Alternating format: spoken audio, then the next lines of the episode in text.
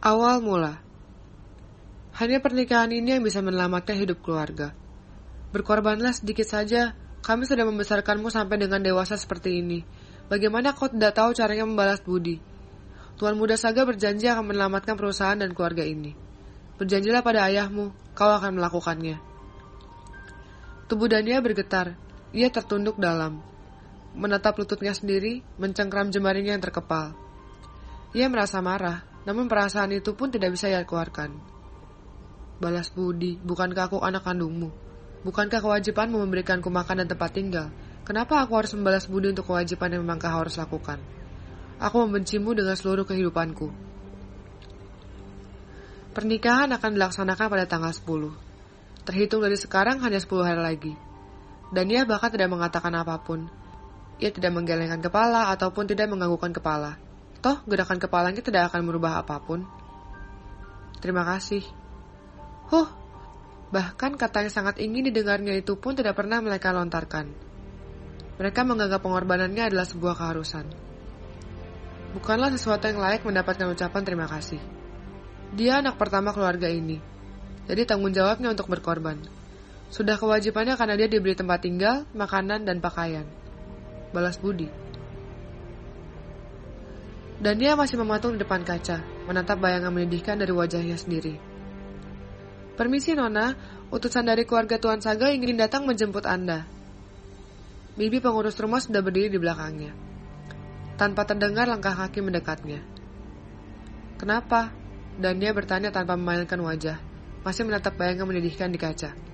Inilah wajah manusia yang bahkan tidak punya kekuatan untuk hanya menggelengkan kepala penolakan. Saya tidak tahu, Nona. Silahkan turun. Tuan Besar dan Nyonya sudah menunggu Anda. Dan dia menapaki anak tangga. Di ruang tamu dia melihat seseorang duduk. Ayah dan ibu tirinya sedang bicara dengan berlebihan. Menjilat apa yang bisa mereka jilat, tanpa rasa malu. Dan dia menghentikan langkahnya saat pria itu berdiri karena melihatnya datang. Saya akan membawa Nona Dania sekarang, ucapnya. Baik, Sekretaris Han. Dan ya, ikutlah dengan Sekretaris Han. Tuan Saga ingin bertemu denganmu. Dania tidak menjawab apa yang ayahnya katakan. Ibu tirinya terlihat memelototinya, namun tidak bisa melakukan apa pun karena ada tulisan dari keluarga calon suaminya. Dania berjalan mengikuti langkah kaki utusan itu, tanpa bicara sepatah kata pun. Dia memasuki mobil masih tanpa suara. Saat mobil berjalan pun, dia tetap membisu. Apa yang akan terjadi padaku? Lari, aku ingin lari. Tapi ke mana? Walaupun keluarga ini tidak seutuhnya mengaku keluarga, namun hanya tempat ini yang bisa aku sebut sebagai rumah. Aku masih punya adik laki-laki satu ayah yang menyayangiku. Aku tak punya tujuan untuk lari.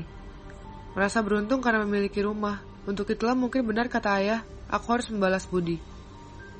Sambil menatap pohon-pohon di pinggir jalan, pikiran Dania berlarian ke mana-mana. Sagara Ardian Wijaya adalah nama calon suaminya pemilik perusahaan ternama Antarna Group.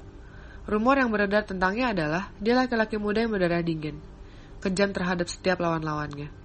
Dia bisa menghancurkan sebuah perusahaan hanya dalam semalam. Untuk kerasan dan dirinya dan Tuhan yang tahu. Rumornya lagi, dia berganti wanita setiap malam. Wanita-wanita mengantri untuk hanya bersamanya semalam saja tidak pernah kehabisan. Lantas kenapa laki-laki seperti itu ingin menikah? Dan lebih menyedihkannya mengapa harus menikah denganku? Perusahaan ayah pasti bukanlah satu-satunya perusahaan bangkrut yang bisa ia kuasai. Tapi kenapa dia memilih perusahaan ayah dan memilih aku sebagai istrinya? Kita sudah sampai, Nona. Silahkan. Dan dia terjaga dari lamunannya saat sekretaris Han memanggil. Dia sudah berdiri di luar mobil dan membukakan pintu. Dan dia berusaha menguasai dirinya. Di mana ini? gumamnya. Tempat ini terlihat seperti restoran kelas atas. Dia hanya berjalan mengikuti langkah sekretaris Han, masih tanpa mengeluarkan suara atau bertanya. Silahkan masuk ke dalam, Tuan Muda akan datang sebentar lagi. Baik. Dania memasuki ruangan. Ia ingin bertanya sesuatu kepada sekretaris Han, tetapi melihat raut muka yang sepertinya jarang tersenyum itu, Dania sudah enggan. Hingga akhirnya dia memilih diam dan hanya menunggu.